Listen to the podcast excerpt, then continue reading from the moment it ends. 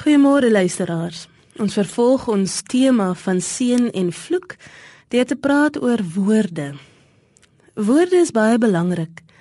Wanneer jy vir iemand sê, weet jy wat, jy is 'n lelike, nuttelose, afgryslike mens, dan het jy met daardie woorde moontlik vir ewig die moontlikheid vir verhouding met daardie persoon verwoes.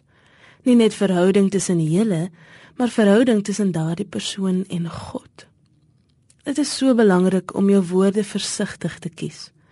Wanneer ons woedend voel en nie kan wag om bitter woorde na ons opponente te gooi nie, is dit beter om stil te bly. Woorde wat in woede gespreek word, sal versoening baie moeilik maak. Om lewe en seëninge bo dood en vervloekinge te kies, begin dikwels by die keuse om stil te bly of jou woorde baie versigtig te kies sodat jou antwoord die weg vir genesing oopmaak. Aan die ander kant bly ons soms te lank stil wanneer ons eintlik moet praat. Wanneer jy praat, praat woorde van liefde. Wanneer jy vir jou ouers, kinders, metgesel, vriende, vreemdelinge sê ek is baie lief vir jou of jy is vir my 'n groot geskenk, dan kies jy om lewe te gee. Dit is nie altyd maklik om ons liefde direk in woorde uit te druk nie. Maar wanneer ons dit doen, ontdek ons dat ons vir iemand 'n seëning gebied het wat vir baie lank onthou sal word. Woorde het die mag om lewe te skep.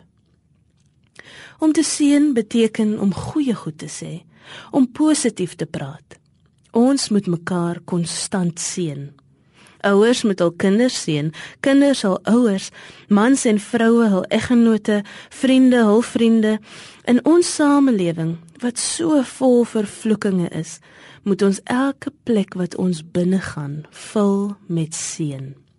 Onthou vandag dat jy God se geliefde kind is. Moenie toelaat dat die vloek van die wêreld jou hart verduister nie. Herinner jouself en ander van ons geliefdheid of ons die seëninge in woorde of in aksies gee op 'n ernstige of informele manier moet ons lewens te alle tye geseënde lewens wees. Begin by vandag